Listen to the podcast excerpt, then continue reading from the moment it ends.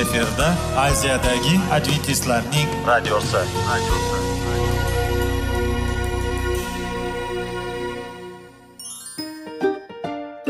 assalomu alaykum aziz radio tinglovchilar sog'liq daqiqasi rubrikasiga xush kelibsiz.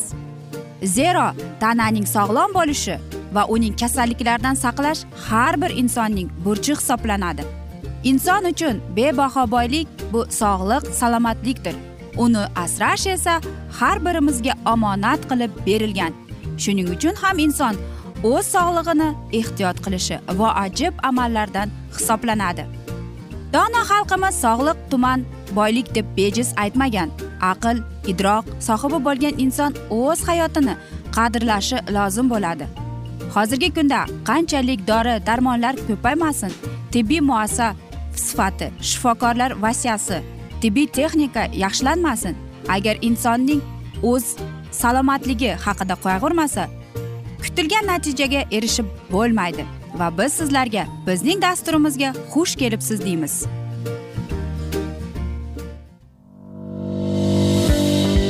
Sog'liq daqiqasi soliqning kaliti qiziqarli ma'lumotlar faktlar. Har kuni siz uchun foydali maslahatlar. Sog'liq daqiqasi rubrikasi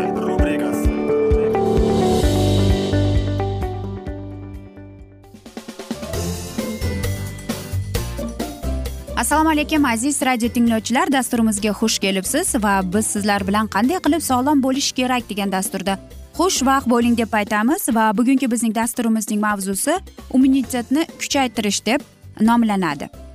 Qish mavsumida e, ko'pchiligimiz dorixonalardan immunitetimizni mustahkam qiluvchi gripp angina bronxit va boshqa kasalliklardan himoya qiluvchi qimmatbaho mo'jizaviy dorilarni sotib olamiz. Biroq biz o'ylagandek mo'jizaviy preparatlar hali yaratilmagan. Bundan tashqari e, mana shunday dorixonalarning e, qaysi biri toza yoki tozasimi biz buni bilmaymiz. Zanjambil. Qarangki bu o'simlik ildizi antibakterial yalliqlanishiga qarshi antimikrob antiseptik bakteritsid xususiyatlarga ega. Zanjambil juda foydali bo'lib c b vitaminlariga boy. Uning tarkibida tanadagi hujayralarni davolash va yangilab turish qobiliyatiga ega rinitol moddasi mavjud. Zanjambil asal bilan iste'mol qilinganda u asalning foydali xususiyatlarini mukammal ravishda to'ldiradi deyiladi. Asal. Asalning shifobaxsh qudrati qarangki shunday bir e, qur'onda aytilgan ekan. Ushbu mahsulot immunitet tizimi uchun tengi yo'q hisoblanadi. Qayd etish kerakki inson qonining kimyoviy tarkibi va asal hayratlanarli darajada o'xshaydi. Qonimizda yigirma to'rtta mikroelement mavjud bo'lsa tabiiy asalda esa yigirma ikkita ekan. Shamollash bilan bog'liq kasalliklarni oldini olishning ajoyib usullaridan biri asalni yong'oq bilan qorishtirib iste'mol qilishdir. Bunda har qanday yong'oq turidan foydalanish mumkin. Asosiysi aralashma ma'lum vaqt turishi lozim. Yana bir mahsulot bor bu qora sedana yog'i tadqiqotlar shuni ko'rsatdiki qora sedana yog'i oshqozon ichak faoliyatini normallashtiradi immunitet tizimini faollashtiradi ko'plab pantogen bakteriyalarni yo'q qiladi qonda xolesterinni kamaytiradi va xoleritik ta'sir ko'rsatadi. Sedana yog'idan profilaktik davolash hamda umumiy quvvatlantirish maqsadlarida foydalanish mumkin. Agar siz kun davomida hech bo'lmaganda bir choy qoshiq sedana yog'idan ichsangiz sizda modda almashuvni e, normallashtiradi va tanangizni himoya qiluvchi kuchini orttiradi deyiladi. Yana bu seminopajitnika ya'ni xilba bu urug' shamollash isitma virusli infeksiyalar oqibatlarini bartaraf etishda yordam beradi. O'zining yumshoq xususiyatlaridan kelib chiqib bu o'simlik shamollashni davolashda yalliqlanishiga qarshi va balg'am ko'chirishda ishlatiladi. Xilba shilimshiq pushti massalarni yumshatib eritib limfa tizimidan toksinlarni olib tashlashga yordam beradi. Shuning uchun bir osh qoshiq pajitik urug'ini yarim litr suvga solib bilan e, iste'mol qilish e, shamollashni davolashda ichimlik sifatida ishlatiladi. Bundan tashqari vitaminlashning qo'shimcha samarasini oshirish uchun ichimlikka limon yoki klyukva sharbati qo'shiladi. Aziz do'stlar albatta immunitet ko'tarishning juda yam ko'p usullari bor lekin bu tabiiy hol. Qarangki uyda siz oddiy e, limon e, imbir ya'ni zanjambil e, va asal aralashtirib uning ustiga qaynoq suv qo'shib aralashtirib yopib uni sovutib iste'mol qilsangiz bu ham immunitetni ko'taradi va shamollashda yordam beradi. Bu oddiy usul. Buni har bir uy bekasi iste'mol yaratib o'zi yasasa bo'ladi va kun bo'yi uydagilaringiz ayniqsa bu mana shu e, suyuqlikni ertalab och qoringa ovqatdan oldin yarim soat iste'mol qilinsa mana shu suyuqlik odamning e, immunitetini ko'tarib kuchli bo'lib e, yaratib beradi. Oddiy narsalar albatta lekin e, qishda biz ko'proq malina iste'mol qilamiz. Shuning uchun ham undan ko'ra yozni kunida mana shunday suyuqlikni iste'mol qilib turganimiz afzal deb o'ylayman. Chunki inson salomatligi hozirgi e, yigirma birinchi asrda judayam qimmatbaho bo'lib qoldi. Ko'plab insonlardan shunday gaplarni eshitamanki hozirgi zamonda kasal bo'lishning o'zi ham qimmatga tushadi deb. Albatta bu to'g'ri deb o'ylayman chunki e, har bir insonning qo'lidan kelavermaydi. Masalan e, shifokorga borsa ham u Э, dori dorilarni yozib bersa lekin imkoniyati bo'lmasachi. Shuning uchun mana shunday xalq tabobatidan oddiy qo'limizda bor narsalar bilan davolanish ham e, bu alloh taologa mamnun bo'ladi deb o'ylayman.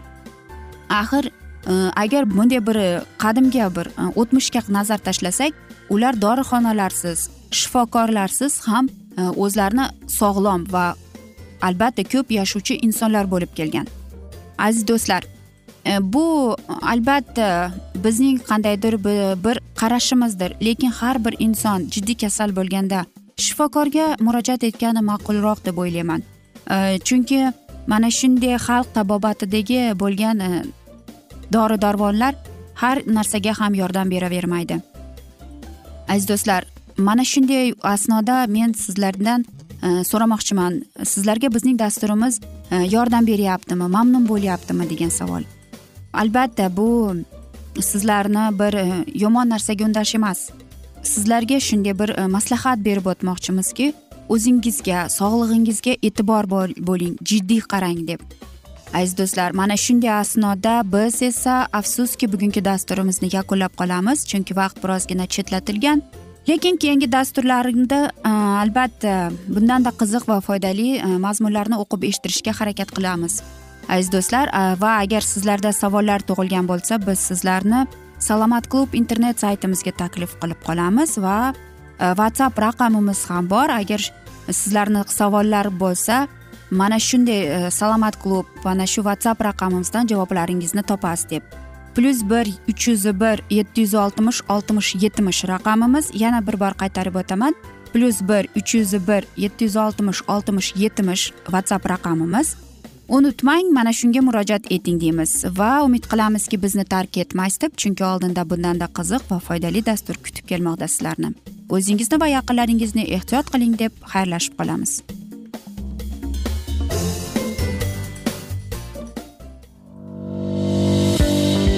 Sog'liq daqiqasi. Soliqning kaliti. Qiziqarli ma'lumotlar faktlar.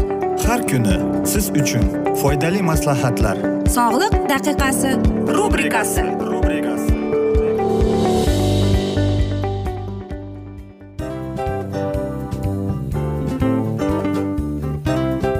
Mana ha hayotda hamma narsaning yaxshi narsalar tugaydi va yakunlaydi degandek bizning dasturimizga ham yakun keldi.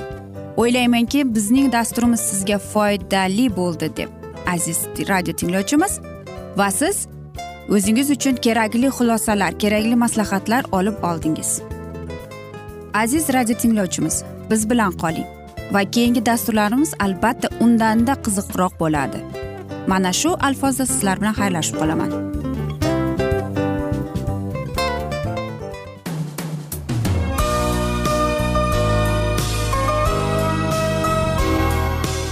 Efirda aziyadagi adventistlarning radiosi. radiosi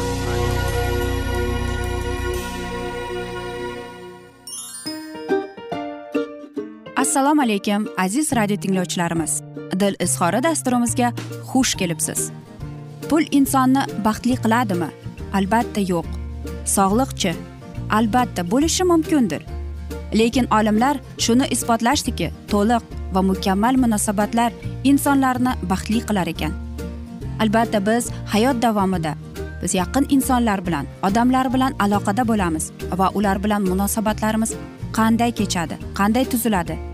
Yigit va qiz er va xotin ota ona va farzandlar va yaqin insonlar bilan.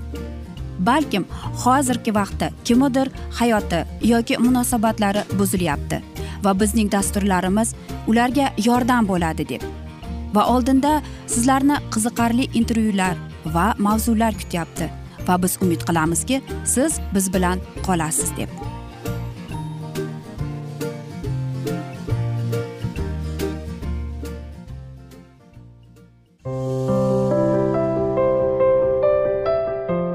Kuni har xil kasbdagi odamlar bilan sirlashish va bo'lishish sevgi rashq munosabat bularni hammasi dil izhori rubrikasida.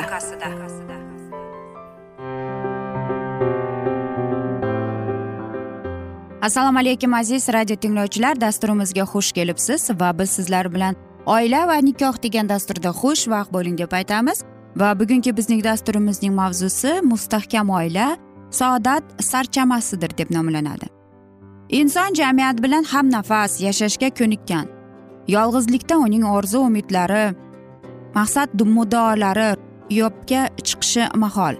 Binobarin u ko'nglining oromi naslining davomi uchun oila quradi. Har bir inson oila muhitida kamolga yetar ekan. Oilaning barqarorligi mustahkamligi va farovonligi jamiyat taraqqiyotining eng asosiy shartlaridandir. Muqaddas islom ta'limotida oila mustahkamligi borasida ko'rsatmalar kelgan. Islom dinida oilaga oilaga katta e'tibor berilib uni qanday tashkil qilish oila a'zolarining huquqlari farzandlar tarbiyasi uning a'zolari o'rtasida chiqadigan kelishmovchiliklarni muolaja qilish umuman oilaviy hayotning barcha masalalariga javob topish mumkin va oila insonning dunyoviy saodatini ta'minlovchi qurg'onidir. Oilada erkak kishining mas'uliyati alohida qayd etilgan. Oila boshlig'i bo'lmish erkakning zimmasiga muayyan vazifalar yuklatilgan ya'ni erning o'z xotini oldida ham ijtimoiy ham jismoniy ham moliyaviy burchi mavjud. Oila insoniyat tarixining hamma davrlarida jamiyatning asosiy bug'uni bo'lib kelayotgan muqaddas dargoh bo'lib hisoblanadi. Va haq taolo o'zining payg'ambarlari orqali oila masalasiga alohida ahamiyat berib uning mustahkam bo'lishi undan o'zlangan maqsad yuzaga chiqishi uchun har qaysi davrga muvofiq nizom va qonunlar joriy etgan. Mustahkam va saodatli oilada er xotin o'zaro totuv yashashi bilan bir biri bilan yaxshi va yomon jihatlarni ko'tarishi ayb va kamchiliklarni kechirishi tinch va totuv yashashi lozim. Xo'sh xudoyim taolo bizga shunday degan. Barcha jonzotlarni shuningdek insonlarni ham juft juft bo'lib yashashga mos holda yaratgan. Oila inson zoti yaratilgandan boshlab davom etib insoniyat tarixining hamma davrlarida har qanday tuzum sharoitda ham kishilarning asosiy va muhim hamda sharafli ishlaridan hisoblanadi. Va sizlarning ichingizda yaxshi erkak o'z ahli ayoliga nisbatan yaxshi munosabatda bo'lgandir deb. Albatta har to'qqizta. Bir ayb deganlardek inson zoti aybi nuqsondan xoli emas. Shunday ekan erkaklar ayollarning ayblarini berkitib oilaning bardam davom bo'lishini ko'zda tutgan holda ularga panti nasihat qilib turishlik buyuriladi. Demak ayol kishi oilaning bir bo'g'ini hisoblanadi. Ma'lumki johiliyat davrida ularga past nazar bilan qaralgan islom dini ularga katta huquqlar berish bilan birga er tomonidan boshpana oziq ovqat va ust bosh bilan ta'minlashlikni vazifa qilib qo'ygan. Hech kimga sir emas bu dunyoda har qaysi inson voyaga yetib kasb hunarga ega bo'lib hayotda o'z o'rni va kelajagini aniqlab oila qurishni istaydi. Oila hayoti hech qachon e, sidirg'asiga shodi xuramlik baxt saodatdan iborat bo'lmaydi. Turmushda ixtilof va tashvishlar qiyinchiliklar yetishmovchiliklar musibat va g'am anduhlar keragicha uchraydi. Er xotin birgalashib qarshi kurashsagina ularni yengish oson kechadi. Oila xotirjamligi tezroq qo'lga kiradi. Erkak kishining eng katta burchi o'z qaramog'idagilarni o'zgalarga qarab bo'lib qolishiga yo'l qo'ymaslikdir. E, darhaqiqat erkaklarning zimmasiga nafaqat ahli ayol farzdir deb aytilgan ming afsuslar bo'lsinki hozirgi kunda ba'zi bir oila boshliqlari shu masalasida o'z vazifalarini unutib qo'ymoqdalar. Hatto ba'zilari oriyatsizlik bilan o'z jufti halollarini ayollar sha'niga mos kelmaydigan yo'llar bilan pul topib kelishi uchun ko'cha ko'yga chiqarib hatto mardikorchilik qilishga ham majbur qilayotganlarini ham sezilmoqda. Bunday holatlarning paydo bo'lishi achinarli holdir. Farzandlarini odatda onalar emizib tarbiya qiladilar. Moddiy ta'minot bo'yicha ayol eridan uning toqati yetmaydigan narsalarni talab qilishi mumkin emas. Ulamolarimiz aytadilarki erining topganiga qanoat qilmasdan undanda yanada ko'proq narsalar talab qilgan ayollar bu gunohkor bo'ladilar deb. Ana islom ta'limotiga ko'ra alloh taoloning roziligini topish hazrati payg'ambarimizning olishimiz kerak. Jamiyat hayotida oila qurib yashashlik naqadar ahamiyatli ekaniga biz e, unutmasligimiz kerak.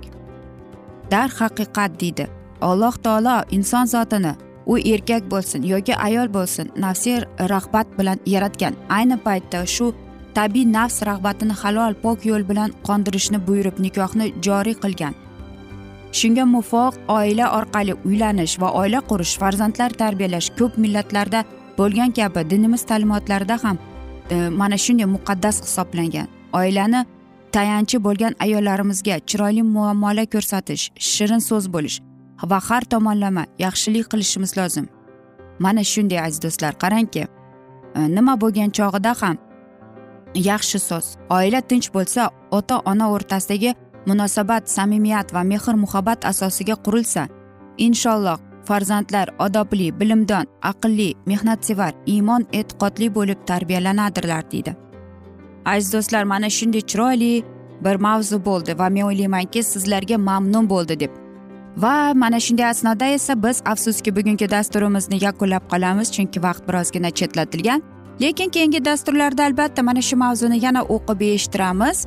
Va o'ylaymanki hammada savollar tug'ilgan. Agar shunday bo'lsa plyus bir uch yuz bir yetti yuz oltmish oltmish yetmish raqami plyus bir uch yuz bir yetti yuz oltmish oltmish yetmish bu bizning whatsapp raqamimiz. Murojaat etsangiz va sizni qiziqtirayotgan barcha savollaringizga javob topasiz deb aytib qolamiz. Va men umid qilamanki bizni tark etmaysiz deb chunki oldinda bundanda qiziq va foydali dasturlar kutib kelmoqda sizlarni. Biz esa sizlarga va oilangizga tinchlik totuvlik sog'lik salomatlik tilab va albatta aziz do'stlar seving seviling deb xayrlashib qolamiz.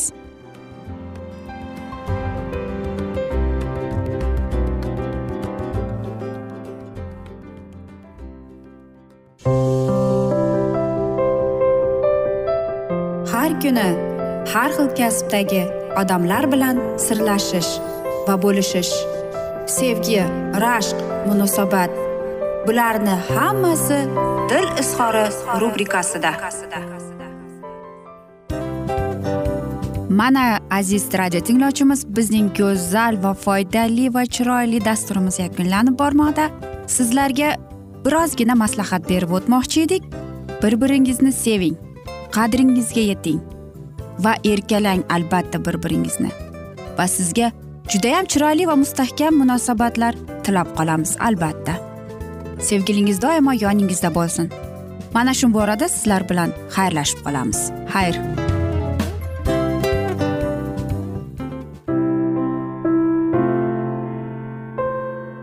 Hayotning noni. Qiziqtirgan savollar va javoblar. Buning hammasi ko'ngil uchun oziqa rubrikasida.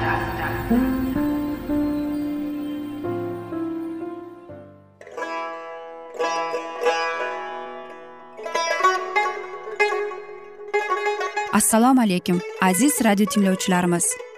Ko'ngil uchun oziqa rubrikasida xush kelibsiz deymiz. Siz haqiqatni izlayapsizmi? Olamnimi? Umidnimi? Siz kimga murojaat qilmoqchisiz? Odamlar ko'pincha siyosat kuchiga tayanadilar. Dunyo iqtisodiyoti holati tobora chuqurlashib bormoqda. Tabiiy ofatlar va texnogen halokatlar minglab insonlarning hayotini olib ketib juda katta zarar yetkazmoqda. Sizga abadiy hayot inomini hadya qiluvchi va hayotingizni tubdan o'zgartiruvchi haqiqatni izlab toping. Xudo haqidagi haqiqat uning kalomida mujassamlashgan. Kimki bu haqiqatni butun qalbi bilan izlasa albatta unga yetishadi. Bu sevgi xudoning tarixidir.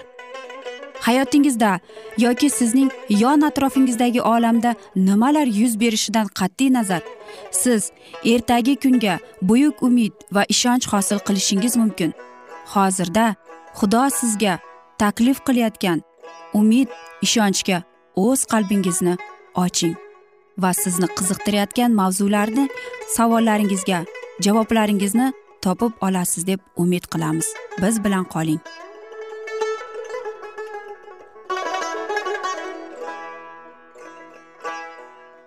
Assalomu alaykum aziz radio tinglovchilar. Dasturimizga xush kelibsiz va biz sizlar bilan ulug' otalar va payg'ambarlar degan dasturda xushvaqt bo'ling deb aytamiz. Va bugungi bizning dasturimizning mavzusi ishoqning uylanishi deb ataladi.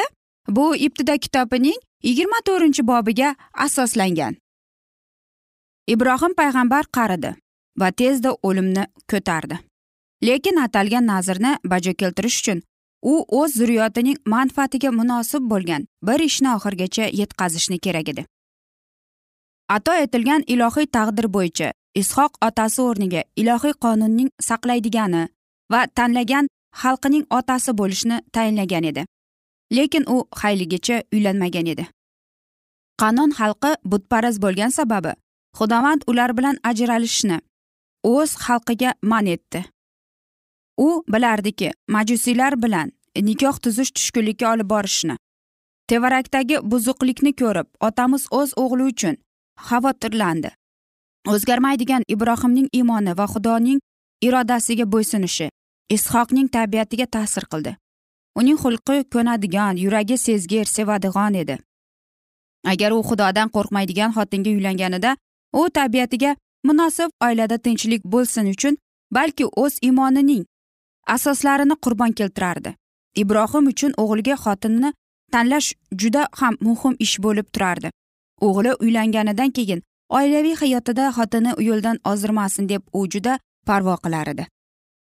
Qadimgi zamonda nikoh tuzish ota onaning zimmasiga yuklanardi va shunday odat xudoning xalqiga mos kelardi sevmagan qizga uylanishga sevmagan yigitga erga tegishga hech kim zo'rlamagan. Lekin hayotdoshni tanlaganda yoshlar nasihat olish uchun xudojoy ota onaga murojaat qilganlar. Agar birontasi o'zligini namoyon qilganida ota ona uchun vijdonsizlik hatto jinoyat deb sanalgan. Ishoq otasining donoligiga va sevgisiga tayanib bu ishni uning qo'liga topshirishga xursand edi. Chunki ishonardiki xudovand o'zi unga munosib bo'lganini tanlab berardi. Otamizning fikrlari mesopotamiya istiqomat bo'lgan ibrohim otasi tomonidan bo'lgan tug'ilishganlariga yo'llandi.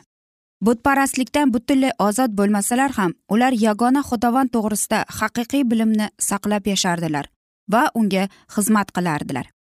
Ishoqqa qanonni qoldirib u mamlakatga borishga hojati bo'lmay balki ularning ichida shunday kelin topilarki u o'z joyini qoldirib ishoq bilan birgalikda muqaddas xudoga muqaddas xizmatga ko'nadigani topilar.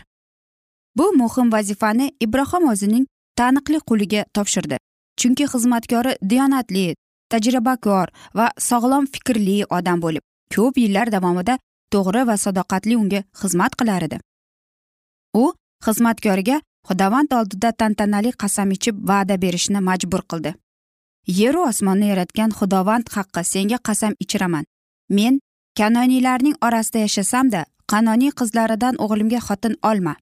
Sen o'zimning vatanimga borib qafim qarindoshlarimdan o'g'lim ishoqga xotin olgin dedi. Yana qo'shib dedi mesopotamiyada yashagan nahur uyidan bo'lsin dedi. Shuningdek ishoqni o'zi bilan olishga ruxsat bermadi.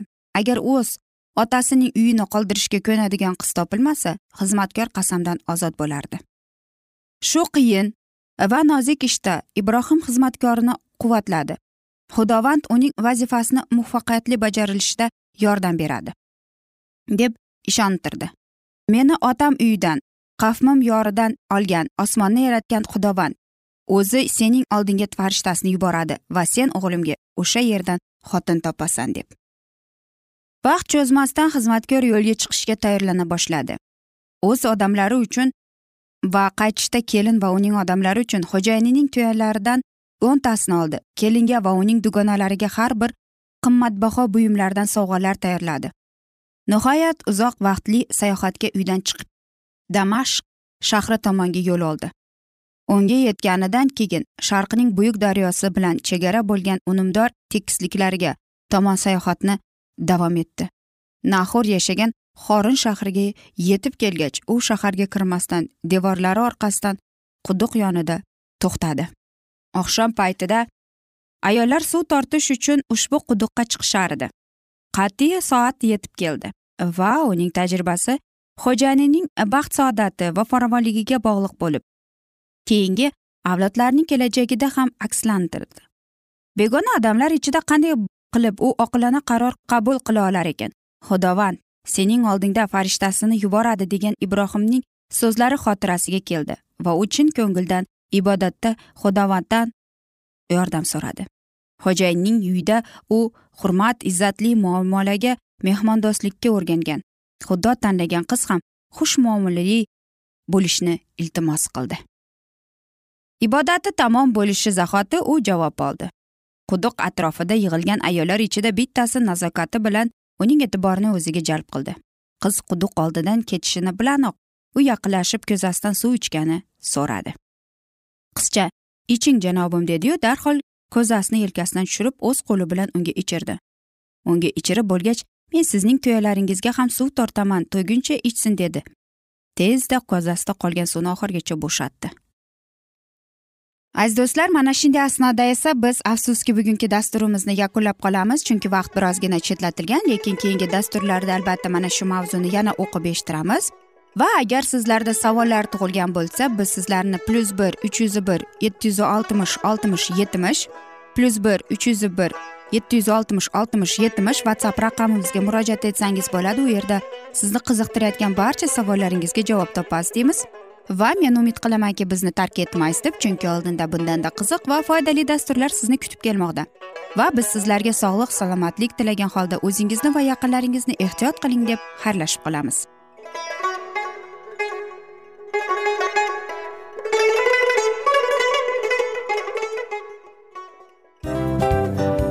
Mana aziz radio tinglovchimiz hamma yaxshi narsaning yakuni bo'ladi degandek bizning ham dasturlarimiz yakunlanib qolmoqda.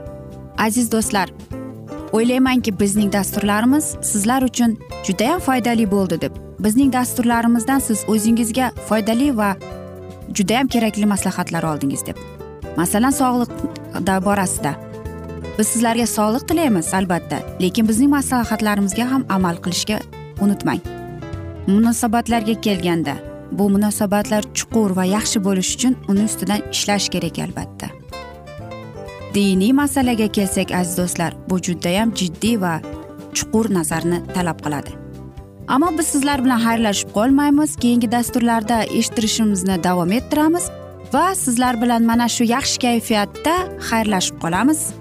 Va keyingi dasturlarda ko'rishguncha xayr!